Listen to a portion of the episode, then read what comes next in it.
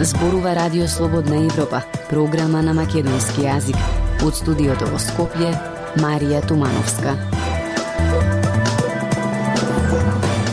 Во ова издание на емисијата ке слушате Тридневна жалост во Македонија по автобуската несреќа во која загинаа 46 лица, а седуммина се повредени. Јавноста бара одговори која била причината за несреќата. Истрагата ќе ја водат бугарските органи во соработка со македонските.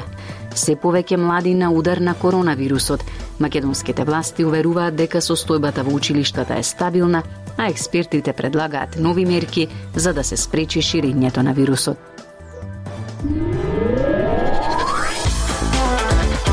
Независни вести и анализи за иднината на Македонија на Радио Слободна Европа и слободнаевропа.мк.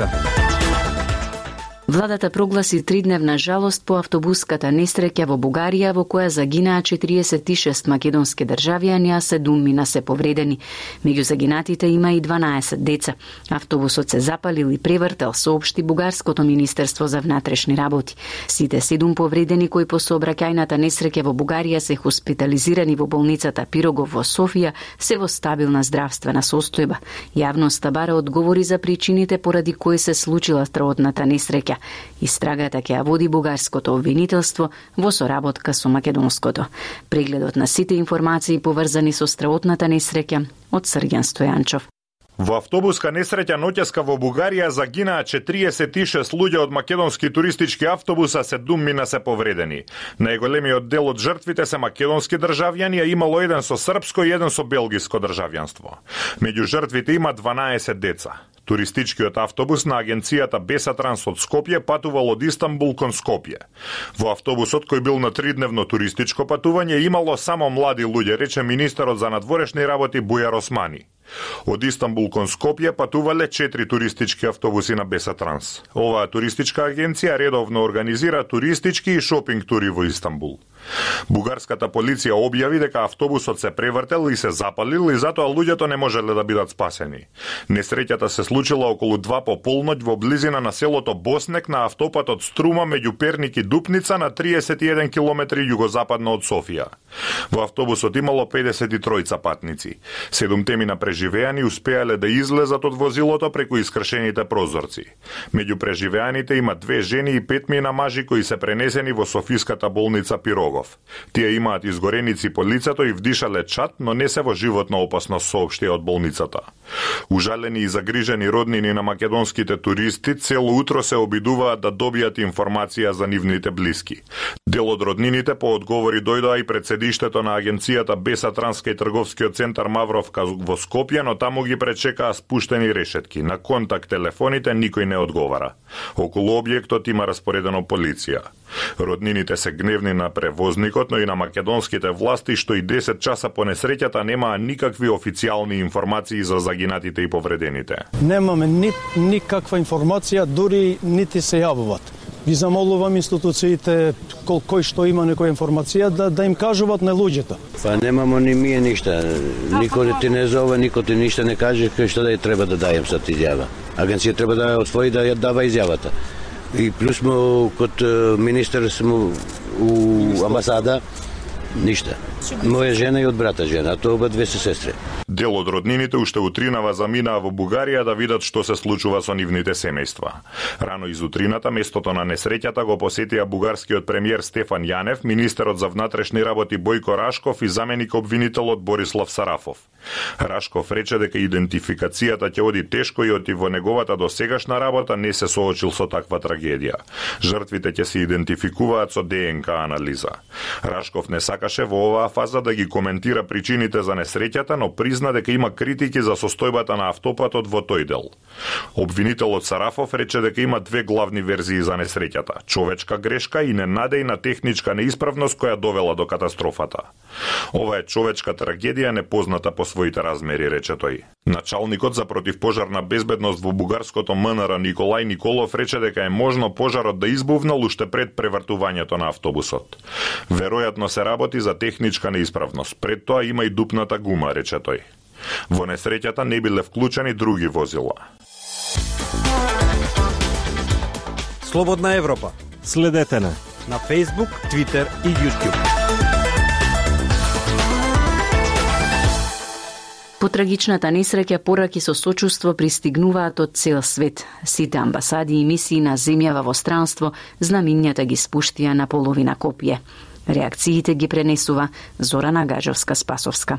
Бугарија и Македонија прогласија тридневна жалост по сообраќајната незгода во која изгоре патнички автобус на бугарски автопат и загинаа најмалку 46 македонски државјани. Македонскиот премиер Зоран Заев на заедничката пресконференција со неговиот бугарски колега изјави дека неголемиот дел од патниците биле од земјава. Еден имал од Прешево, еден од Србија и еден бил со белгиско државјанство. Довербата во институциите едни со други е голема, така најдобро ќе им служиме на граѓаните кога ќе им дадеме сите необходни информации од истрагата што се причините за да се случи несреќата и како се случила самата несреќа, затоа што болката е голема кај двете земји, кај двата народи, но семејствата кои што изгубија членови на семејства, Наистина, нивната болка е ненадоместлива. Бугарија е призаден на времени активности за расветлување на причините за автобуската несреќа, за идентификување на загинатите, за давање помош и лекување на настраданите. И очекува подршка од македонските институции на кои е подготвена да им ги обезбеди сите информации за случајот. Се наведува во соопштението од кабинетот на бугарскиот председател Румен Радев. Македонскиот председател Стево Пандаровски изрази сочувство до семејствата кои ги изгубија своите најблиски во оваа несреќа. Очекувам надлежните да спроведат целосна истрага да се утврдат причините и одговорноста за трагедијата, која не се памети во нашата понова историја, напиша Пендаровски на својот официјален профил на Твитер. Автобуската трагедија во Бугарија од рано утринава е главна вести во регионалните и во светските медиуми. Пораки со сочувство за настраданите пристигнаа од сите соседни држави, вклучително и од Европската унија. Председателката на Европската комисија Урсула фон ден Лајен изрази сочувство за семејствата и блиските на почитнатите во несреќата им посака брзо закрепнување на повредените. Председателот на Европскиот Совет Шарл Мишел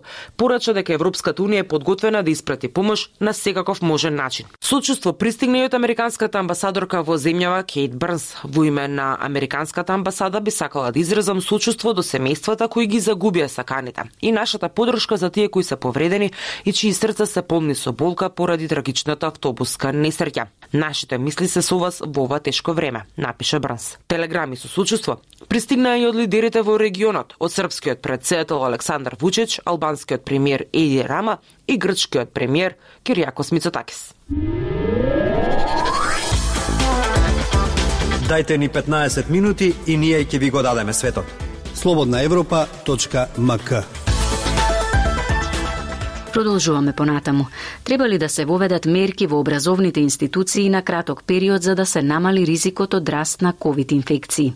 Дел од експертите велат да, но со тоа треба да се спречи и движењето на младите навечер.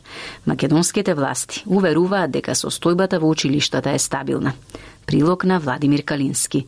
Додека Европа се соочува со четвртиот бран на COVID-19 и висок раст на инфекции, во некои земји особено се на удар децата на училишна возраст, со што се отвара прашањето дали преку воведување онлайн настава на одреден период вирусот ќе може да се држи под контрола. Избувнувањето на пандемијата во 2020 година предизвика големи промени во образованието. Наставата се изведуваше онлайн на далечина преку дигитални платформи, но затворањето на школите влијаеше врз на учениците, нивното здравје, благосостојба и врз нивните семејства, Затоа во 2021 година скоро сите земји во светот одлучија дека децата треба да се вратат назад на училиште, така и учениците во земјава оваа учебна година ја започнаа во училниците. Ситуацијата, иако во моментов не е критична како во земјите од соседството, властите најавуваат нови мерки за задолжителна вакцинација во јавната администрација со кои ќе бидат опфатени и просветните работници. Мерки за учениците за сега нема и тие и натаму ќе можат физички да посетуваат настава и покрај тоа што има зачестени случаи кога родители се заразуваат од своите деца кои вирусот го префатиле на училиште или во градинка. Министерката за образование и наука Людмила Царовска состојбата во училиштата е оцени како апсолутно безбедна. Таа изјави дека во моментов под 1% е бројката на позитивни случаи во училиштата од вкупно 255.000 ученици. Но дали овие бројки се незначителни за ширењето на COVID-19? Дел експерти сметаат дека сега ризикот од високи инфекции треба да се намали со тоа што во краток временски период децата би следеле настава онлайн. Микробиологот доктор Никола Пановски Вели дека во есенскиот период не се само ковид инфекциите кои се шират меѓу родителите и семејствата, затоа според него периодов треба да се премине кон онлайн настава. Без разлика што некој вика дека ние тоа го пројдовме во август септември, за секој случај јас би предложил да еден месец до нова година да распуштат да одат онлайн. Или сите, или ако не може пола со пола. Вели Пановски. Тој додава дека доколку се воведе мерка за следење на онлайн настава, треба да се ограничи и движењето на младите навечер, инаку на 20 октомври започна скрининг на учениците за рано детектирање на COVID-19. Според Министерството за здравство, скринингот треба да значи безбедна настава и заштита на здравието на децата. Радио Слободна Европа, светот на Македонија. Климатските промени ќе го променат и пристапот на земјоделците кон производството и тие ќе мора да се насочат кон примена на нови технологии што ќе овозможат одржливо производство, велат земјоделските експерти. Земјоделците пак велат дека немаат пари за нови технологии, а она што им недостасува се и знаења и едукација на терен. Одгледувањето на земјоделски култури под влијание на климатските промени станува предизвик со кој се соочуваат се поголем број земјоделски производители. Просечната температура во последните десетина години се зголемила за скоро 2 степени, а намалувањето на квалитетот и квантитетот на производството се реални проблеми. Земјоделските експерти апелираат земјоделците да применуваат иновации и нови технологии кои ќе придонесат за развивање на еколошко производство, но многу мал дел од нив се информирани за новите технологии и иновации. Останува збор за една популација у по-одминни години. Они се научи на еден начин друг да работат и доста при употребата. Јас сум гледал земјоделци при употребата на тие кристални ѓубрива. Не знаат од земјоделци как да ги употребат али доста од земјоделците има што прифаќаат и нови технологии. Вели Ристо Велков од Синдикатот на индивидуални земјоделци во Струмичкиот регион. Еден нас од нашите колеги купил некој нов трактор. Знам нов трактор, во Карамани има еден купено, 250.000 евра, и не знам оде по широко придемско битолско некој друг да купил нов трактор. Упатените велат дека е потребна едукација на терен и дека на земјоделците треба добро да им се објасни кои се предностите од примена на овие методи. Професорот по заштита на растенијата Илија Каров посочува дека во овој момент науката не е подготвена за новини во земјоделството. Науката наша не е подготвена за сето тоа. Во овој момент се прават напори, но по моје длабоко убедување треба да се направи една добра стратегија на ниво на држава во која што ќе бидат вклучени научните институции од областа на земјоделието и задолжително владата во насока да се изготви еден проект, една стратегија подолгорочна да се насочи производство на семенски материјал од оние култури што се застапени во Република Македонија, кои што би требало да бидат издржливи на суша. Земјоделците коментираат дека производството кајна се сезонско и непланирано. Според нив поинако би било кога државата би имала стратегија и тоа би се планирало. Професорот Ордан Чукалиев работел на конкретни проекти кои на пример се однесуваат на рационално користење на водата во земјоделски цели. Тој вели дека постојат многу технологии во земјоделството кои можат да им ја олеснат работата на земјоделците, но дека она што недостасува се знаењата. Ние ќе ги ја пренесеме технологијата земјоделците се поготово ние најчесто работиме со ние најнапредните земјоделци кои што ги викаме рани адаптери, брзо ги прифаќаат новите технологии што се нудат. И тоа се одлични земјоделци, тие брзо ги прифаќаат, меѓутоа не постојано остануваат на истите техники и технологии. Земјоделските експерти укажуваат дека климатските промени и екстремните временски услови ги загрозуваат екосистемите и безбедноста на храната, па од тука велат дека треба да се применуваат земјоделски практики за производство на органски производи. Толку во оваа емисија ја слушавте програмата на македонски јазик на Радио Слободна Европа. Од студиото во Скопје ве поздравуваат Дејан Балаловски и Марија Тумановска.